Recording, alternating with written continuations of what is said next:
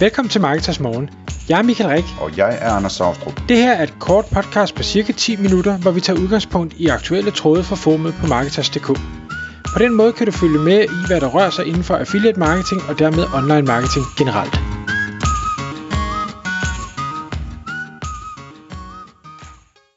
Godmorgen Michael. Godmorgen Anders. I dag i Marketers Morgen podcasten her, der skal vi tale om at byde lavt og få en god deal, har jeg fået at vide af dig. Og det er vist noget med noget ejendomsinvestering, sikkert i et udkantsområde. Helt sikkert. Øh, men jeg kan, jeg kan starte med at fortælle en historie om, øh, fordi vi har lige har været på sådan en lille miniferie på, på fem overnatninger, hvor jeg øh, kom lidt sent ud, så øh, det eneste, der var ledigt at lege ved den strand, hvor vi skulle være, fordi vores venner var i nærheden, det var sådan en øh, luksusvilla-agtig ting, øh, helt nybygget, og der lå sådan 5-6 villager på, på grunden der foran stranden, hver med sin egen pool og totalt lækkert lavet og så. Øhm, og så snakkede jeg med, øh, med hende, der håndterede det, om, jamen, altså ham her, der har bygget det her, hvad, havde han allerede den her grund ved stranden, eller har han købt den? Og øh, den havde han så købt, øh, og så siger jeg, jeg tænker, der skal ikke noget ved at spørge, jeg er sikker på, at jeg ikke får et svar, men så siger jeg, hvad kostede den så? Øhm, og den kostede øh, 200.000 euro. Og så sagde jeg, what? Altså, det, det var en helt sindssyg pris. Det, ja, det, det skulle have kostet 1 eller 2 millioner eller sådan noget, ikke? Øhm, og, og så øh, sagde hun, at de, hvad hedder det, det havde så også taget 10, 10 år at lukke den aftale. Og øh, startprisen var øh, 800.000 euro, men til sidst så fik han den for 200.000. Så øh, det synes jeg, det synes jeg er en spændende historie og sådan noget.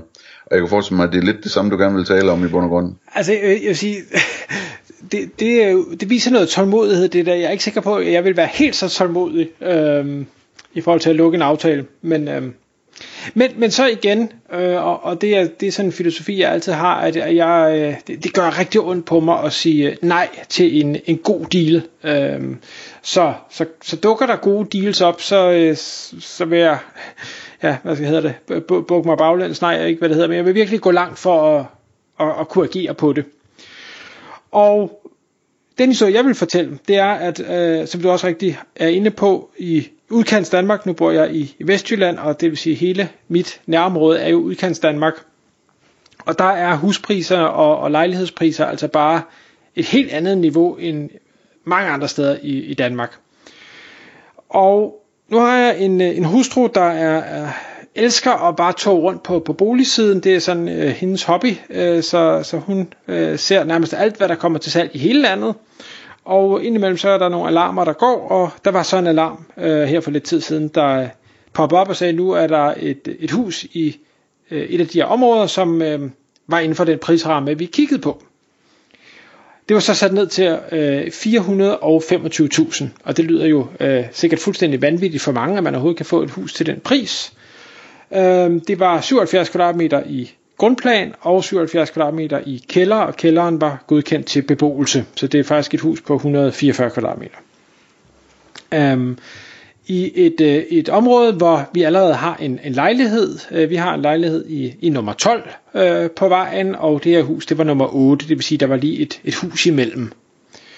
Og, øh, og det synes vi var meget spændende, fordi det med at have flere øh, investeringsejendomme, udlejningsejendomme i samme område, det, det gør det øh, logistisk nemmere, øh, når, når der skal laves ting. Øh, og, og ved der, de godt på den vej, at du kommer til at købe hele vejen til am, sidst? Øh, det ved jeg ikke, om de ved, og det er heller ikke sikkert, at jeg gør det. Øh, nu, nu har du ikke hørt historien til ende.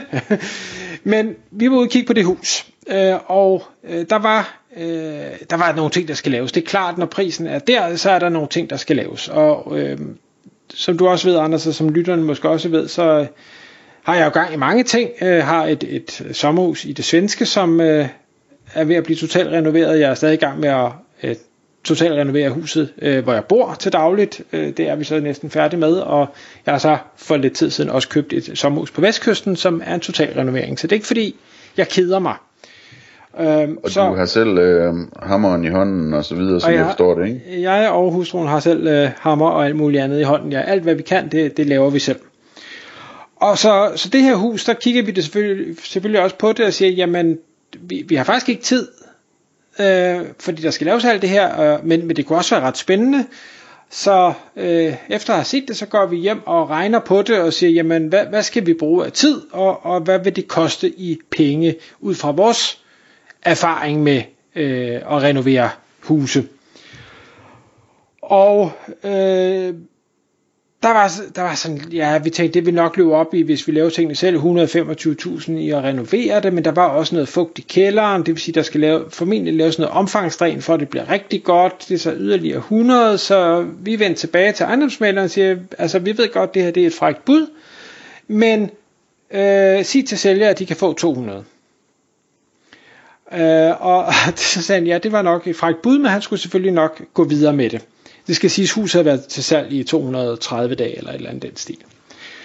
Og øh, sælgervælden er så tilbage og siger, at det, det, det kan altså ikke øh, komme på tale. Øhm, og, og så må vi jo bare sige, at det, det er jo så bare det. Øh, altså, vores regnestykke viser, at, at det er det, vi er villige til at betale for, at det hænger sammen øh, økonomisk, for at vi kan få det afkast på vores penge og, og tid, som vi gerne vil. Så, så er det bare ikke en deal. Jeg skal lige spørge om en ting så når du går ind, når du, når du går ind, øh, er det sådan en, den, jeg havde en svensk chef engang, der kaldte det en åben bogforhandling, altså hvor du sådan ligesom går ind til ejendomsmæleren, var det så her, ikke? Og, og åbner din bog og siger, prøv at høre, sådan her har vi beregnet på det, det her det er de udgifter, vi får, det her det er de indtægter, vi får, derfor så øh, vil vi gerne byde 200.000. Er det sådan den måde, du gør det på, eller siger du bare, vi har regnet på det, og derfor får det, byder vi 200.000? Øhm, han får ikke de fulde detaljer, fordi jeg, Nej, det er klart. I, i det men, her men, tilfælde, så synes jeg ikke, det, det vil gavne. Men, men vi sagde til ham, at vi havde faktisk tænkt os at byde 300, men fordi der er den der fugt i kælderen, og vi jo har fået at vide, at, Altså, at sælger har klatmalet for nylig, og vi kan se, at det så stadigvæk slår igennem. Altså, jeg kan jo, hvis jeg har været sælger, kan jeg jo godt forstå, at man klatmaler hen over fugten, fordi så håber man, at der ikke er nogen, der opdager det. Øh, så, så sælger er jo vidne om problemet, men så vi siger, så vi vil have budt 300, men fordi der er det her problem, så byder vi kun 200, fordi der skal laves omfangsdræn, der er fugt i kælderen, og det er et, det er et problem i en udlejningsejendom. Så, så, så det var den information, ejendomsmaleren øh, fik og kan gå videre med. Og jeg tror, at, at nu går sælger og tænker, nu ser vi, hvad der sker. Jeg havde lige sat øh, boligen ned, og så kan det være, at de vender tilbage på et tidspunkt og siger, okay, nu gider vi simpelthen ikke have denne her ejendom stående længere, for den er ikke udlejet, den har ikke været udlejet de der 230 dage. Det koster jo også nogle penge at have den stående tom. Øh, så det kan være, at de kommer og siger, I kan godt få den til den pris. Og kan vi få den til den pris, jamen så slår vi til, fordi så er det en god deal. Og, og grunden til, at, at vi faktisk øh, ellers så kunne man jo have sagt, nå okay, prisen den er for høj, og vi kan se, der skal laves det her, det bliver alt for dyrt, det kommer ikke til at hænge sammen, og så bare helt lade være at byde. Og, og den tilgang havde vi egentlig på en, faktisk øh, den der lejlighed, jeg sagde, vi havde i nærheden, der er fire lejligheder i det hus. Og i, i den modsatte ende af huset, der var en lejlighed, der blev udbudt øh, på, jeg tror det var 170 kvadratmeter. Det så egentlig pænt ud på billederne. Min kone var ude og se på den og sagde, at der skulle laves lidt, men det var, det var mest kosmetisk. Men den var sat til 525.000. Og problemet med, med de udlejningsejendomme, vi kigger på, det er, at, at de, når de er så store, så får man ikke nok penge for de sidste kvadratmeter. Det er meget bedre at have en lejlighed på 80 kvadratmeter end, end en på 160, for vi kan ikke få det dobbelte i husleje i det område. Øhm, så vi tænkte, ej, det, altså det, det kommer ikke til at kunne hænge sammen på nogen måde, så vi bød ikke. Og så går der, det ved jeg ikke, tre måneder, fire måneder, og så finder vi ud af, at den her lejlighed til de her 525.000, der var udbudt til, var blevet solgt for 230. Og så jeg bare, nogle grimme ord, hvorfor bød vi ikke bare frægt, så det kunne have hængt sammen for os. Øhm, så, så det er sådan en, en lærdom, vi har fået undervejs at sige, jamen, vi anerkender, når vi giver et frækt bud, at det er et frækt bud, og siger, at vi ved godt, at det her det er meget lavt, at vi vil have det 50% billigere, men om ikke andet, og det vil vi selv synes, hvis vi var sælgere, meget hellere have et bud, man kan tage stilling til, end at der slet ikke er nogen, der byder. Øhm, og, og jeg tror, jeg har nævnt det her før, men jeg vil nævne det igen, for jeg synes, det var en fantastisk historie. Jeg, jeg læste i en af mine ejendomsinvesteringsbøger om en gut i USA, hvis eneste koncept var at byde halv pris på boliger. Og jeg tror, at det, jeg synes, der stod der med, at han lavede 1000 bud om året, øh, og han fik, der var jo ikke ret mange af dem, han fik. Men dem han fik, det var virkelig gode deals, øh, og det var han så glad for.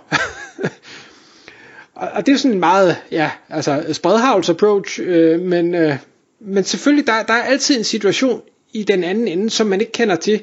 Det kan være, folk er bare trætte af det, det kan være, den har været til salg for længe, det kan være, at de mangler penge, det kan være, at det er en skilsmisse, whatever det er. Jamen, hvorfor ikke prøve? De kan højst sige nej, og, og så er det det.